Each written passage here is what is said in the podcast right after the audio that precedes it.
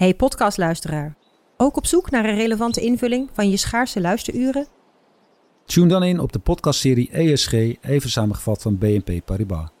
Wij, Marloes en Aldert, spreken daar duurzame voorlopers en wereldverbeteraars. Waarover dan? Nou, bijvoorbeeld of we ooit duurzaam kunnen gaan vliegen. En waarom koeien in de stad nou een goed idee is? Dat en meer elke twee weken in een nieuwe aflevering. Dus abonneer je. ESG, even samengevat.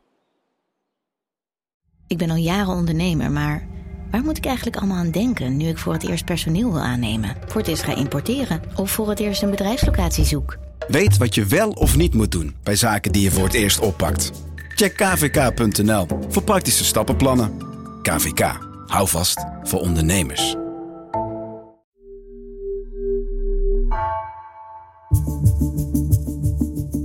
Vanaf de redactie van NRC het verhaal van vandaag. Mijn naam is Gabriella Ader.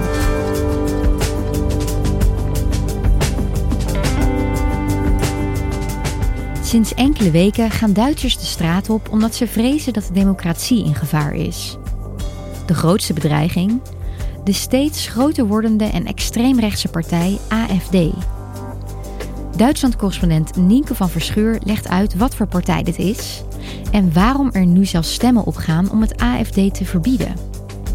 Maar hoe haalbaar is een verbod van zo'n populaire partij?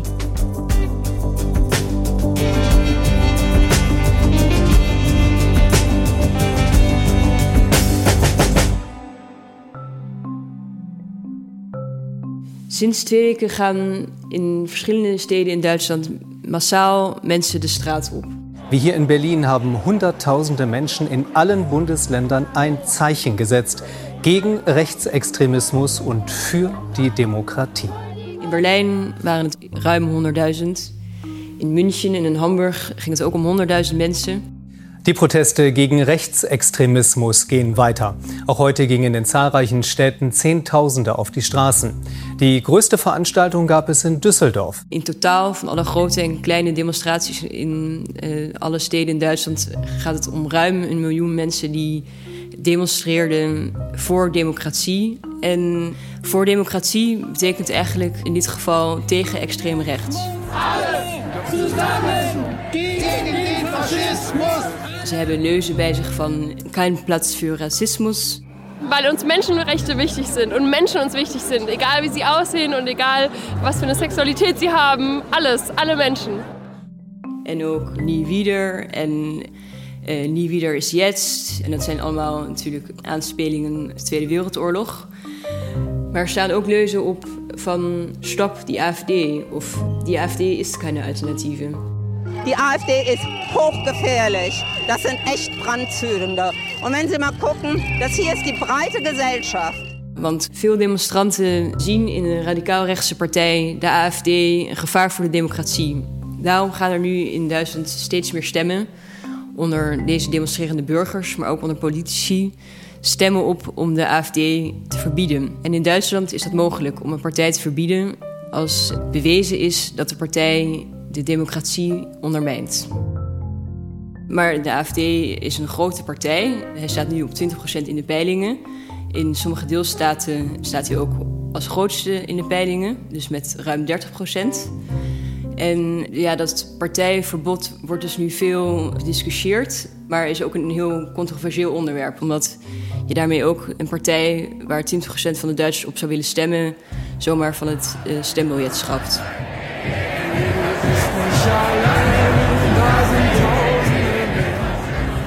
Wir müssen laut sein!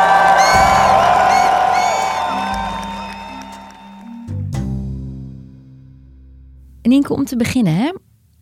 wat is de aanleiding nou van deze demonstraties? Twee weken geleden publiceerde het onderzoekscollectief Correctief een stuk over een ontmoeting die in november had plaatsgevonden in Potsdam. In een villa aan een meer hadden verschillende politici van de AFD een ontmoeting met een paar rijke zakenlui en een paar mensen uit de rechtsextremistische kringen. En tijdens die ontmoeting werd gesproken over een, uh, ja, zoals zij het noemden, een masterplan of een geheim plan Dat ging over remigratie. Nach dem Bekanntwerden einer geheimen Zusammenkunft von AfD-Politikern und Rechtsextremen formiert sich bundesweit eine protestwelle. Onthullingen over een geheime bijeenkomst waar leden en politici het gehad zouden hebben over massadeportaties. En volgens dat plan, ehm, dat werd voorgesteld door een rechtsextremist uit Oostenrijk, Martin Zellner, zouden miljoenen mensen uit Duitsland verdreven moeten worden. En uh, dat zou gaan om asielzoekers, om mensen met een verblijfsvergunning, maar ook om mensen met een Duits paspoort die zich onvoldoende zouden hebben aangepast. Maar dat is dus een willekeurig criterium uh, waar ze dus iedereen eigenlijk mee kunnen bedoelen. En al die mensen zouden in de loop van de komende jaren uit Duitsland moeten worden verdreven. En onderdeel van het plan was ook dat er dan in Afrika een soort nieuw staatje zou moeten worden gesticht waar dan deze mensen naartoe zouden moeten worden gedeporteerd. Dat klinkt, en dan helemaal natuurlijk met een geschiedenis als dat van Duitsland, wel echt heel bizar en ook ingrijpend natuurlijk. Ja, en daar zijn dus heel veel mensen van geschrokken. En het is voor heel veel mensen een beetje een wake-up call van welke extremistische kanten eh, de AFD heeft. En ook met wat voor mensen ze zich omgeven. Ja, want wat is de AFD voor partij? Ja, de AFD is de alternatieve voor Duitsland. Dus het alternatief voor Duitsland. En de partij werd in 2013 opgericht als een eurokritische partij. Dus destijds was de eurocrisis en de partij werd opgericht door eigenlijk vooral hoogleraren in de economie. Die vonden dat deel uitmaken van de eurozone slecht was voor Duitsland en voor de Duitse economie. Dus zo begon het. En de partij kreeg enige aandacht. Maar de partij kwam pas echt van de grond toen ze in 2015 zich gingen richten op anti-immigratiebeleid. En in 2015 was de vluchtelingencrisis en zei Merkel in Duitsland: Wir schaffen das. We hebben so vieles geschafft, wir schaffen das. En kwamen er heel veel mensen uit Syrië in Duitsland aan.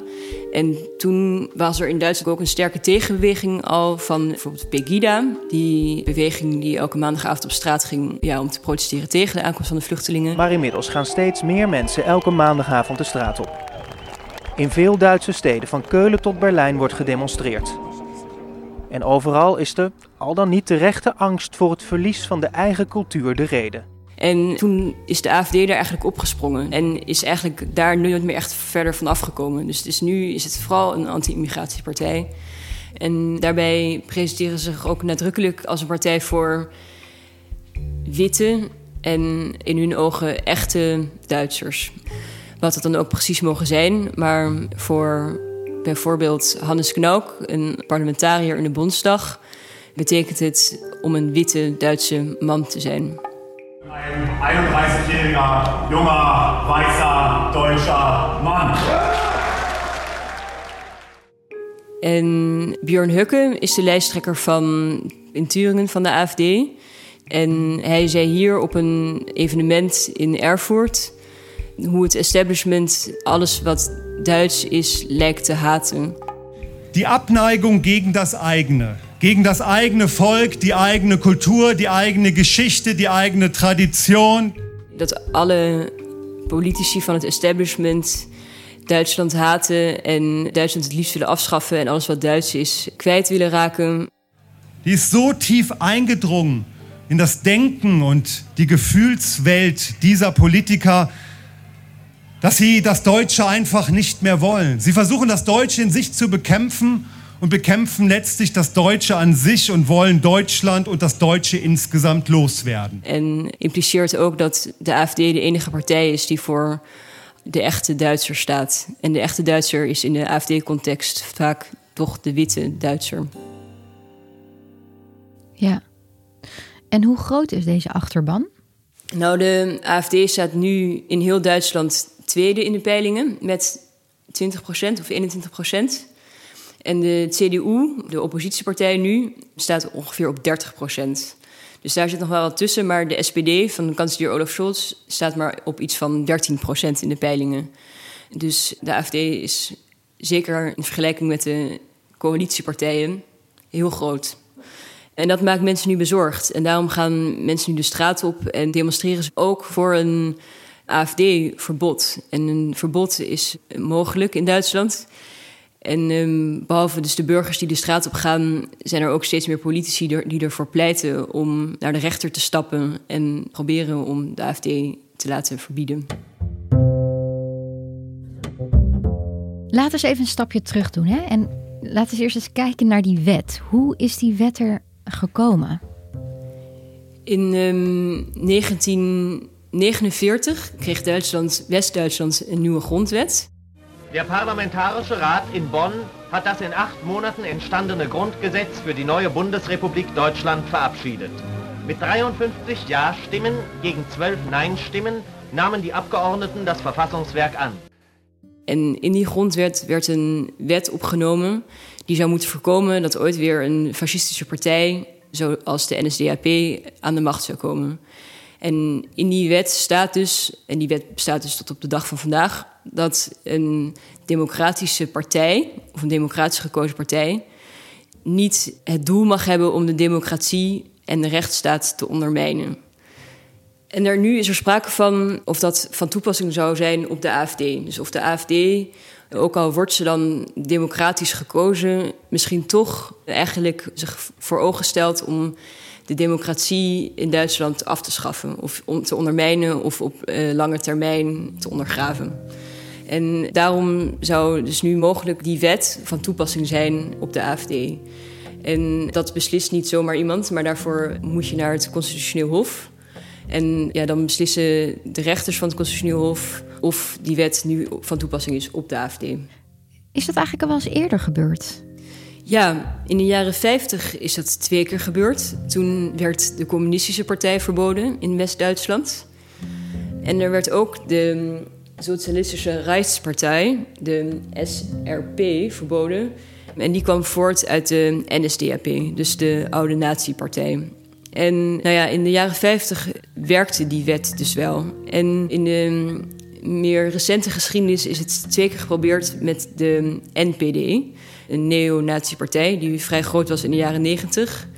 Maar twee keer is dat mislukt. En in 2002 was dat zo omdat de rechter oordeelde dat de partij weliswaar extremistisch is, maar ze konden niet vaststellen of dat extremisme nou van de partijleden zelf kwam of van de vele infiltranten die de veiligheidsdiensten uh, die partij hadden binnengesluist.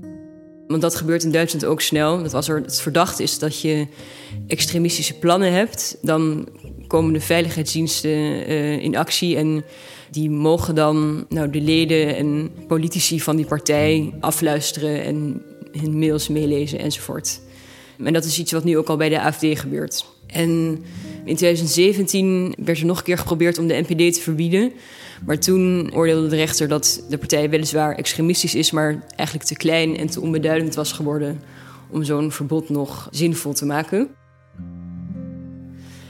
Maar deze week was er wel een opvallend oordeel over de NPD. En die heet tegenwoordig Die Heimat. En ook weer het Constitutioneel Hof in Karlsruhe oordeelde dat de Heimat niet langer gefinancierd mag worden vanuit de staat. Die partij Die Heimat, vormals Nationaldemokratische Partei Deutschlands NPD, ist für die Dauer von sechs Jahren von der staatlichen Finanzierung nach 18 Parteiengesetz ausgeschlossen. Want iedere politieke partij krijgt natuurlijk geld vanuit de staat, afhankelijk van hoeveel kiezers je hebt. Maar die financiering van de Heimat is nu geschrapt. En eh, sinds dat oordeel van dinsdag gaan er wel heel veel stemmen op om misschien de AFD dan niet direct verbieden, maar eh, in ieder geval proberen om op deze manier de financiering van de AFD stop te zetten. Wat ook al snel het einde zou betekenen van de AFD, want het gaat om miljoenen euro's die ieder jaar aan die partij gaan. Het dilemma is natuurlijk groot over of je nou zo'n grote politieke partij waar zoveel burgers op willen stemmen, of het wel democratisch is om zo'n partij te verbieden. Maar het eh, argument van juristen is dan dat deze wet in de grondwet stelt dat je de democratie ook moet beschermen voor partijen die op democratische wijze aan de macht komen, maar die toch het doel hebben om de democratie te ondermijnen. Dus het is, je beschermt min of meer de democratie voor zichzelf. En hoe reageert het AFD nou op deze protesten en die roep om een verbod op hun partij? Ja, ze hebben nog niet helemaal hun modus gevonden. Want er waren een paar AFD-politici die ook zeiden na de onthullingen van uh, correctief, die zeiden van ja, dit is helemaal geen geheim plan, dit is een belofte. En uh, die helemaal niet probeerden een stapje terug te doen of helemaal niet probeerden te doen alsof dit maar een paar extremisten waren. Maar die echt lieten zien dat ze juist achter dit plan staan. En zij proberen te benadrukken dat ze echt wel volgens de grondwet hun programma opstellen en dat ze niks doen wat ingaat tegen de Duitse grondwet. Maar door inderdaad die vele ja, politici om, om hen heen en door ook de vele extremisten om hen heen, ja, wordt die koers wel een beetje nou ja, ongeloofwaardig. Ja. En hoe groot is nou uiteindelijk echt de kans, denk je, dat de rechter zegt: ja, het AFD gaat verboden moeten worden? Nou, voordat een verbod er is, daar gaat er nog een heel lang proces aan vooraf. Want eerst moet de Bondsdag of de regering of de Bundesraad, een soort Eerste Kamer, zo'n proces in werking stellen. En uh, daarvoor is nu al helemaal geen meerderheid. En de meeste politici van bijvoorbeeld CDU of SPD, die vinden zo'n verbod op de AFD ook, ook een laatste redmiddel. En vinden dat zo'n partij eigenlijk eerst ja, in, in debat en op klassieke politieke manier moet worden bestreden of klein gehouden. Maar goed, als er nu toch genoeg stemmen opgaan om dat proces voor het verbod in gang te zetten, dan kan dat proces ook nog wel twee jaar duren. Omdat de rechters door ontzettend veel bewijsmateriaal moeten bekijken en moeten beoordelen. En op 1 september dit jaar zijn er verkiezingen in drie deelstaten in Oost-Duitsland. Dus uh, Turingen, Sachsen en Brandenburg. En daar staat de AFD echt heel stevig aan kop met 30 of 35 procent. En dan zou het natuurlijk ook best kunnen dat stel dat ze dan zeggen over twee jaar... oké, er is genoeg reden om deze partij te verbieden... dat dan de AFD in bepaalde deelstaten al de grootste is... en mogelijk ook in de Bondsdag al de op één na grootste partij is. En wat daar dan de gevolgen van zijn en hoe dat er precies uit zou gaan zien, dat is heel moeilijk voorstelbaar, want dat is nog niet gebeurd in Duitsland. Maar het is wel duidelijk dat het een hele onduidelijke politieke situatie zou zijn. Wat denk je dat er gebeurt als nou blijkt na dat onderzoek hè, dat de partij toch democratisch is en dus voldoet aan de wet? Precies, dat is een, helemaal niet zo'n onwaarschijnlijk scenario. Eh, omdat ze er wel op letten dat ze in alle officiële communicatie... dat ze de communicatie grondwettelijk houden. Maar dat zou voor de AFD ook gewoon een grote overwinning zijn. Een grote PR-overwinning. Omdat ze dan kunnen zeggen van ja, wij zijn een gewoon rechtsconservatieve partij...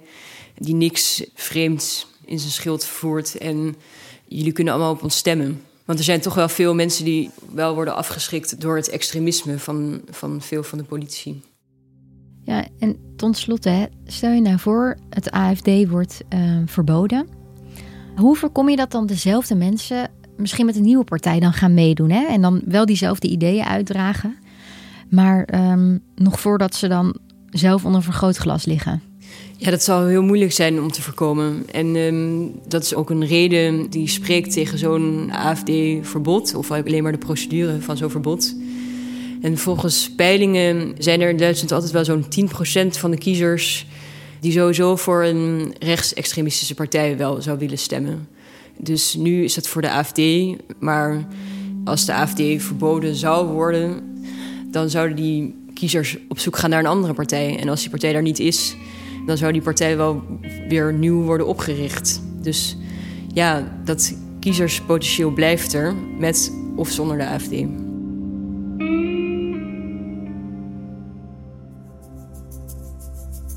Dankjewel, Nienke. Dank jullie wel voor de uitnodiging.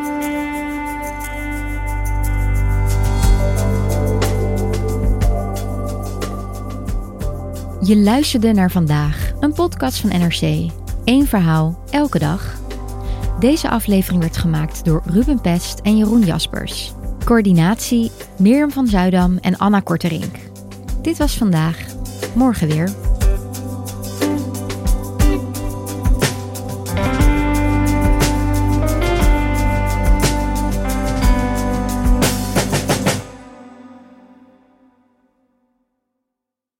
Technologie lijkt tegenwoordig het antwoord op iedere uitdaging.